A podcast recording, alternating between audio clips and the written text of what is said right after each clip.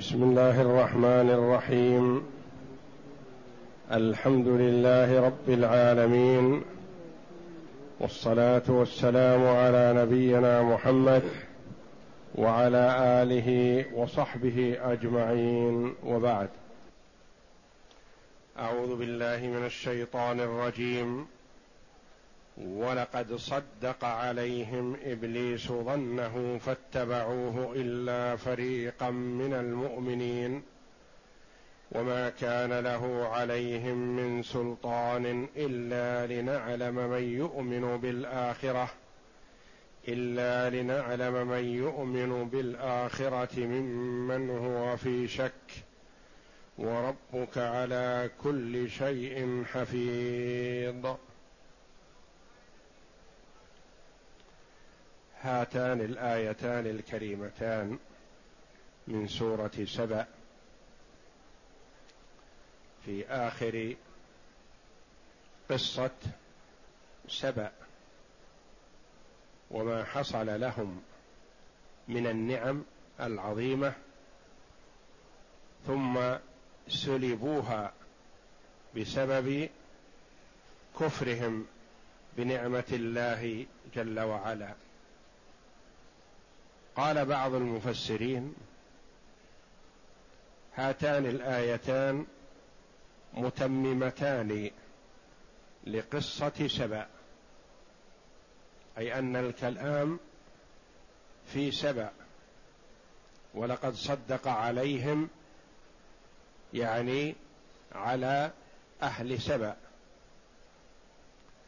وقال بعضهم إن قصة سبأ انتهت عند قوله جل وعلا فجعلناهم أحاديث ومزقناهم كل ممزق إن في ذلك لآيات لكل صبار شكور.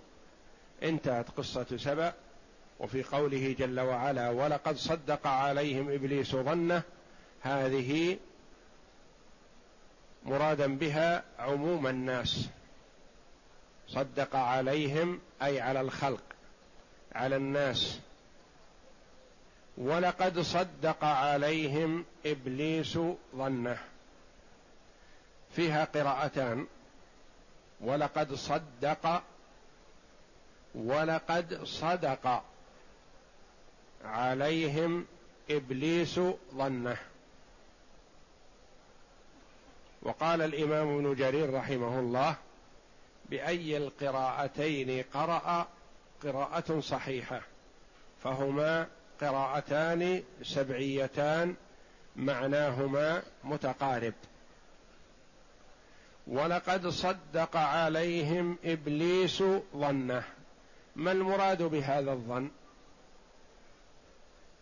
قيل في قوله أنا خير منه. خلقتني من نار وخلقته من طين. فمن اتبعه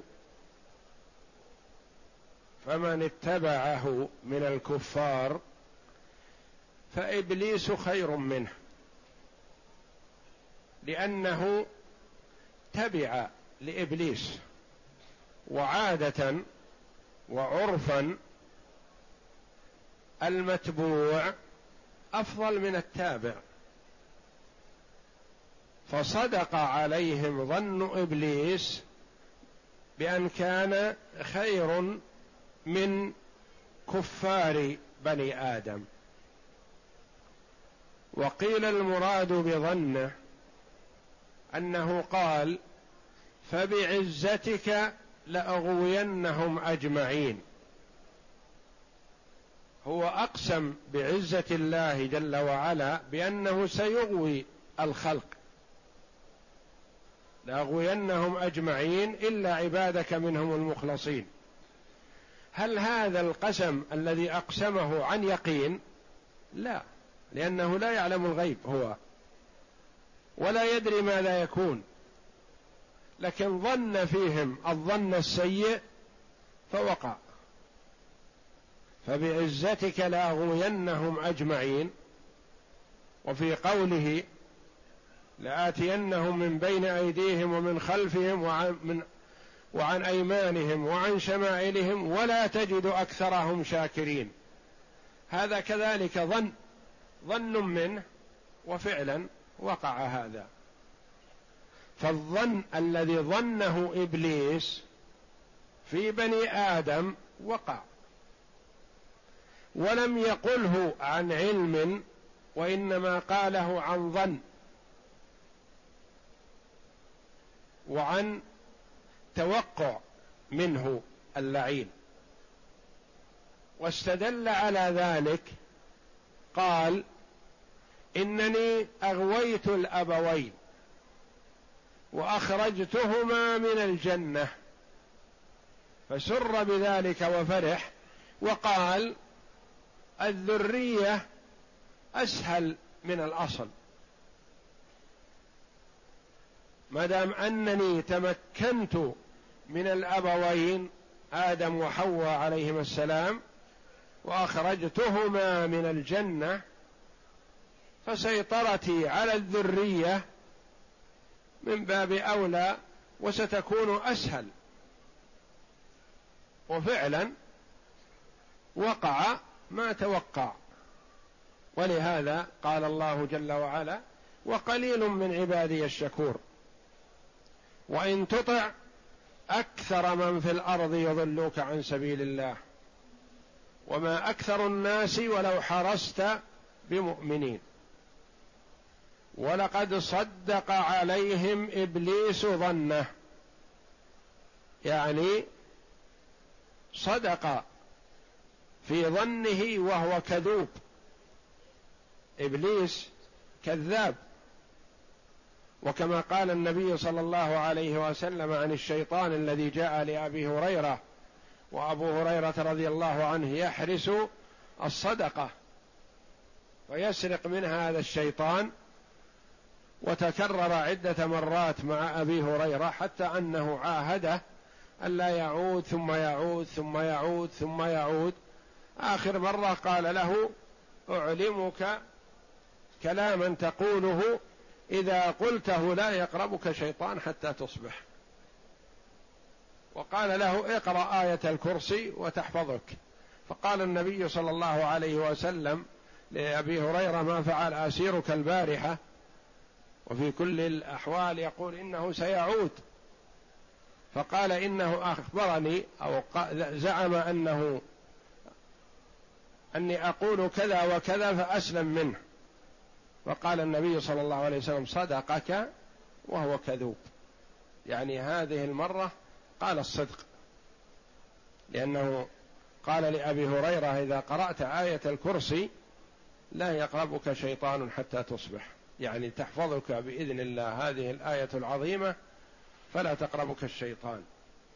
ولهذا يستحسن للانسان إذا أوى إلى فراشه أن يقرأ ما تيسر من القرآن ويقرأ آية الكرسي بالذات ليكون فيه حرص وأمان عند الله جل وعلا من الشياطين. ولقد صدق عليهم إبليس ظنه فاتبعوه. يعني اتبعه الأكثر أطاعوه. بالوسوسة والإغواء والتزيين يزين لهم المنكر فيفعلونه ويقبح لهم الحسن فيتركونه يوسوس لهم في المعصية فيسارعون إليها ويثقل عليهم الطاعة فيثقلون عنها. فاتبعوه إلا فريقا من المؤمنين. إلا فريقا من المؤمنين. أنجاهم الله جل وعلا من الشيطان. نرجو الله أن يجعلنا وإياكم منهم. إلا فريقا من المؤمنين. من هذه تبعيضية يعني بعض المؤمنين أو من بيانية إلا المؤمنين قولان للمفسرين رحمهم الله. يرى بعض المفسرين وعلى رأسهم ابن عباس رضي الله عنهما أن من هذه بيانية يقول المؤمنون كلهم في معزل من الشيطان ما سيطر عليهم. وما اتبعوه يعني ما اتبعوه في الأصل في العقيدة في التوحيد. في الإيمان بالله وملائكته وكتبه ورسله واليوم الآخر. وإن حصل منهم بعض المعاصي فيقول من هذه بيانية.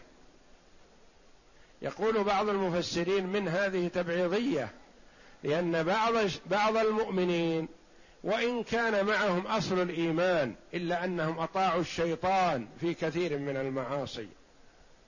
أطاعوا الشيطان في بعض الكبائر. فهؤلاء ما سلموا من الشيطان وإن كانوا مؤمنين. عندهم أصل الإيمان لكن عندهم شيء من المعاصي من الكبائر من الصغائر. سيطر عليهم الشيطان من هذه الناحية. فهؤلاء لم يسلموا منه وإنما سلم من الشيطان الخلص من المؤمنين. بعض المؤمنين الذين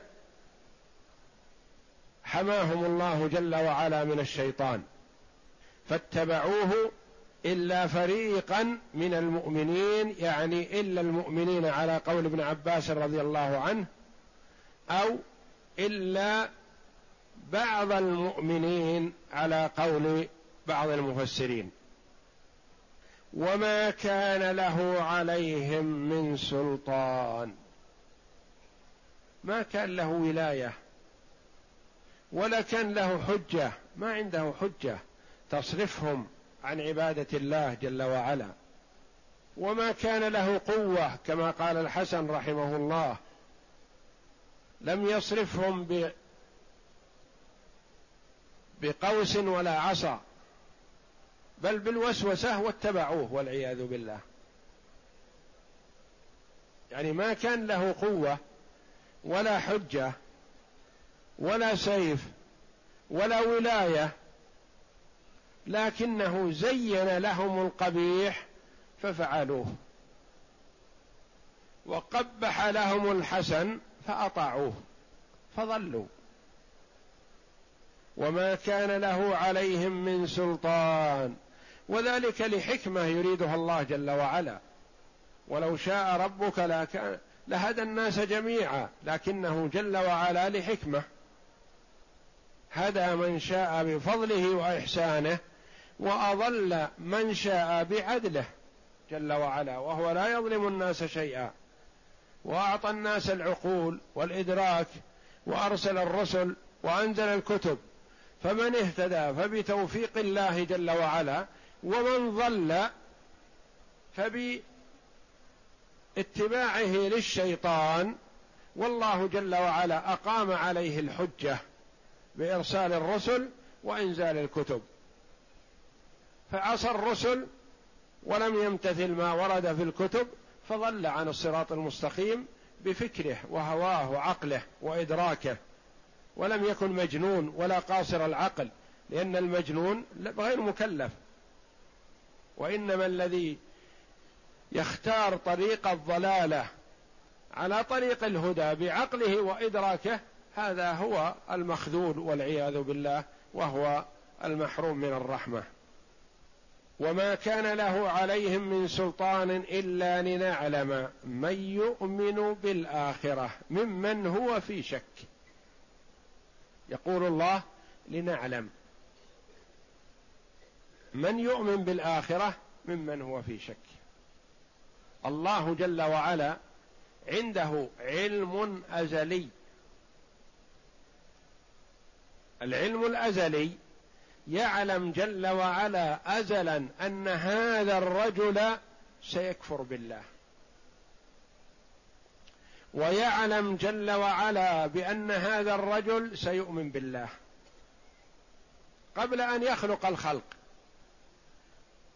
إذا ما هذا العلم الذي ذكر الله جل وعلا لنعلم من يؤمن بالآخرة ممن هو في شك؟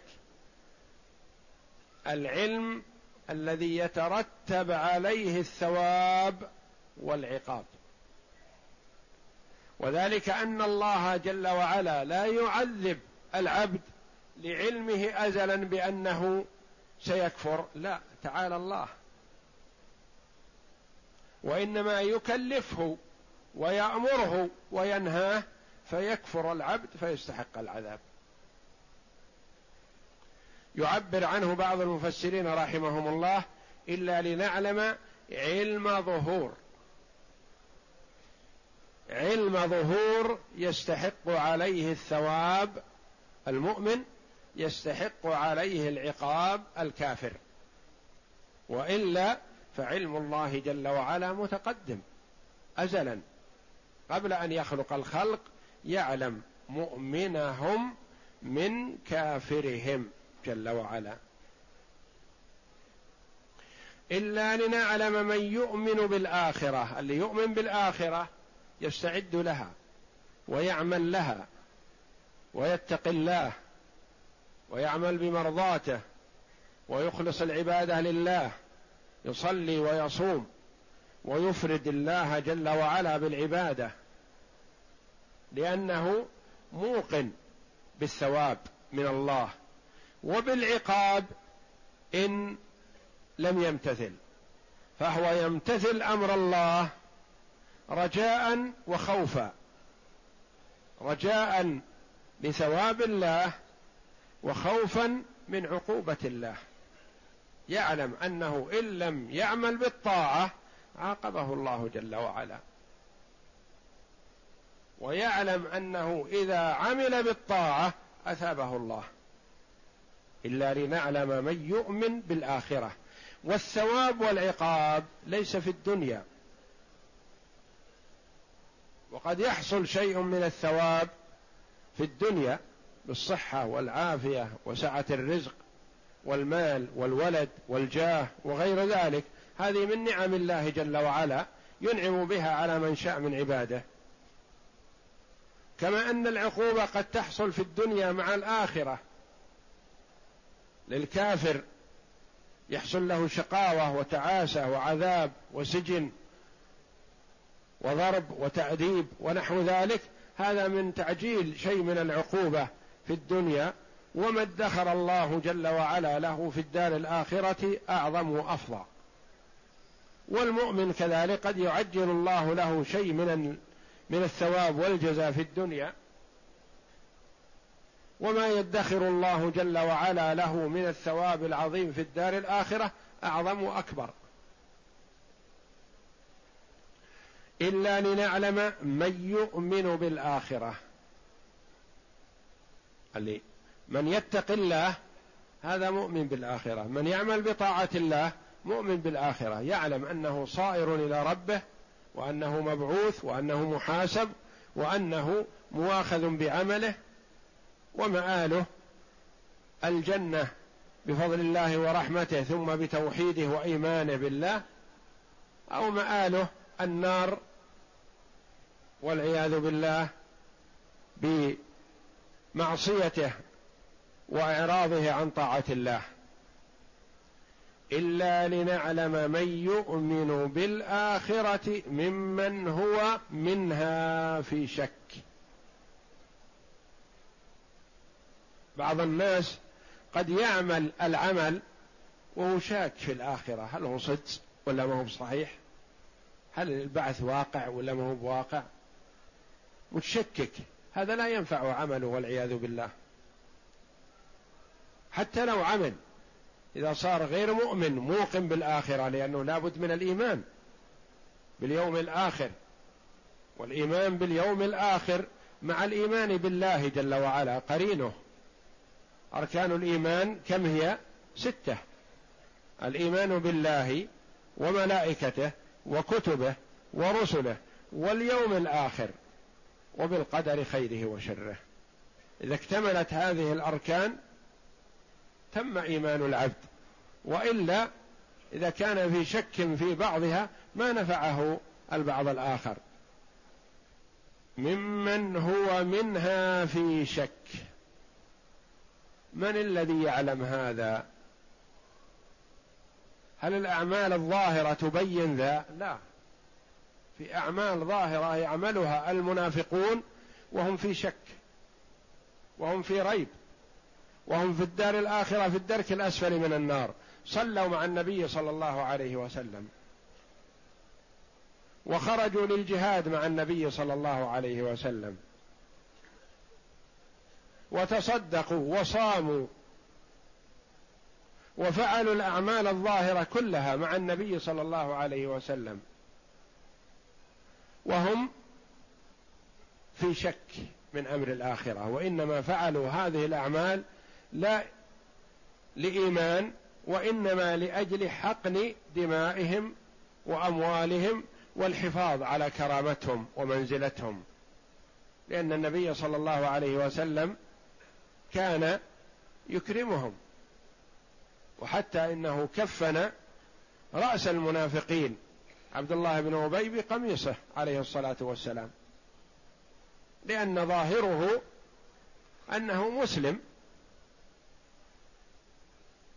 وخرج معه صلى الله عليه وسلم ووقف على قبره. وكان ابنه عبد الله ابن عبد الله من خيار المؤمنين رضي الله عنه. والأب رأس المنافقين. وهم يعاملون في الدنيا معاملة المسلمين معاملة المؤمنين. هذا من صفات المنافقين أنهم في الدنيا يعاملون كمعاملة المسلمين لأنهم يصلون ويصومون ويحجون ويزكون. لكنهم لما كانوا في قلوبهم في شك والعياذ بالله وريب من غير إيمان ما نفعتهم هذه الأعمال. لأنهم يخادعون الله وهو خادعهم. إن المنافقين في الدرك الأسفل من النار. من الذي يعلم هذا؟ الرسول صلى الله عليه وسلم لا. لا يعلم إلا ما اعلمه الله. لأن الرسول يعلم يعرف بعض المنافقين بخبر الله جل وعلا. وقد يكرم ويقدم على خيار المؤمنين لأن ظاهره لا يدل على نفاق أو كفر. لكن الله جل وعلا الذي يعلم السر وأخفى يعلم ما توسوس به نفس العبد هو الذي يجازي. ولهذا قال جل وعلا ختم هذه الآية الكريمة بقوله وربك على كل شيء حفيظ.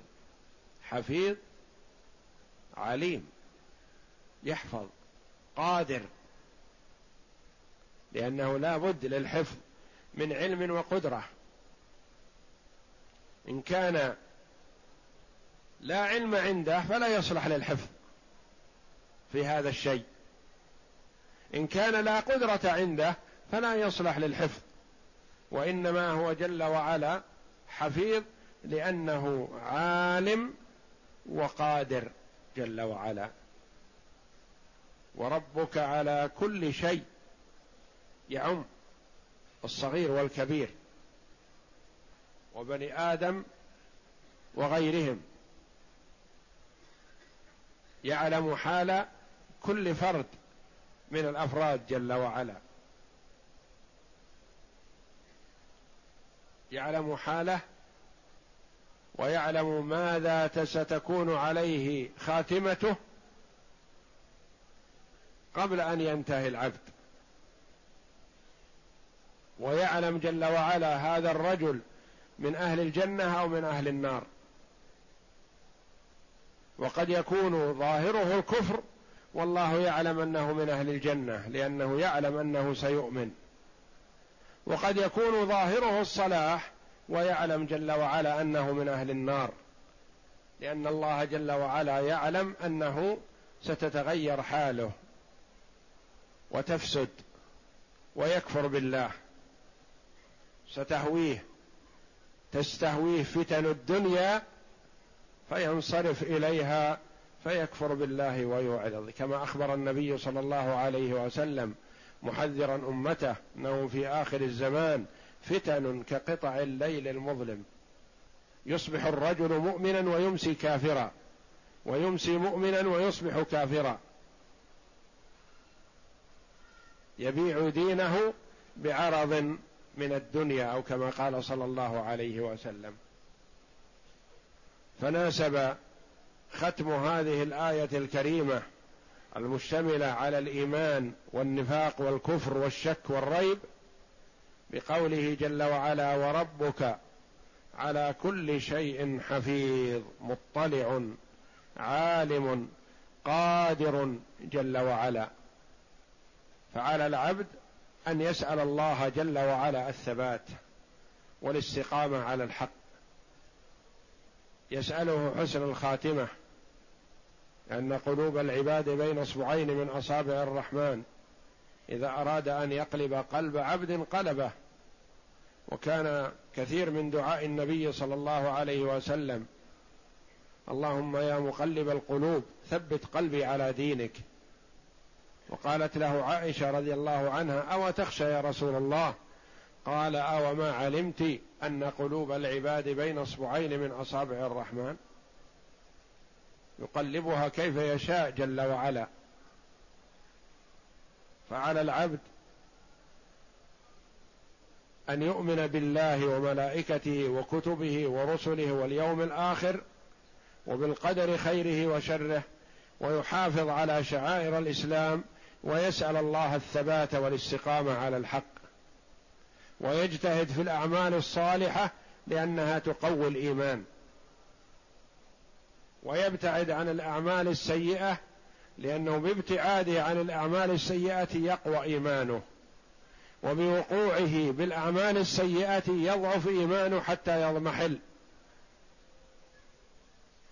وكما قال عليه الصلاة والسلام لا يزني الزاني حين يزني وهو مؤمن. يعني يرتفع عنه اسم الإيمان يبقى معه اسم الإسلام. فإن تاب إلى الله وأناب إليه تاب الله عليه. وإلا يخشى عليه من الزيغ. إذا اجتمعت عليه المعاصي أهلكته. ولا يسرق السارق حين يسرق وهو مؤمن.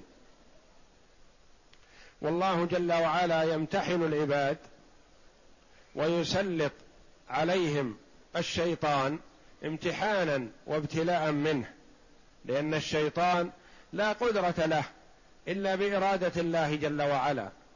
فهو جل وعلا إذا شاء صرفه عن العبد وإذا شاء سلطه عليه فأهلكه.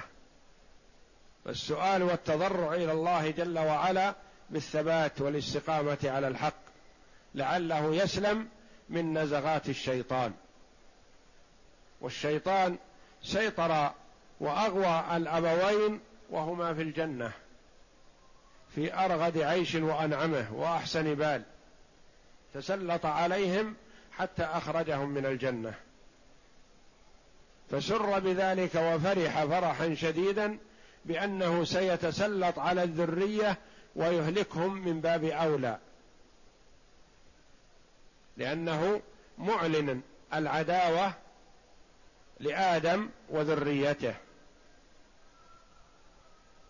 والله جل وعلا أخبر عن ذلك بقوله إن الشيطان لكم عدو فاتخذوه عدوا. ومع الأسف الشديد كثير من الناس يعرض عن طاعة الله امتثالا لوسوسة الشيطان وهو عدو. والرسول صلى الله عليه وسلم الرؤوف الرحيم بالأمة تترك أوامره وتعصى. وما ذاك إلا بسبب الحرمان والعياذ بالله. فعلى العبد أن يسأل الله جل وعلا دائما التوفيق والسداد والهداية وحسن الخاتمة. والله أعلم. وصلى الله وسلم وبارك على عبده ورسول نبينا محمد وعلى آله وصحبه أجمعين.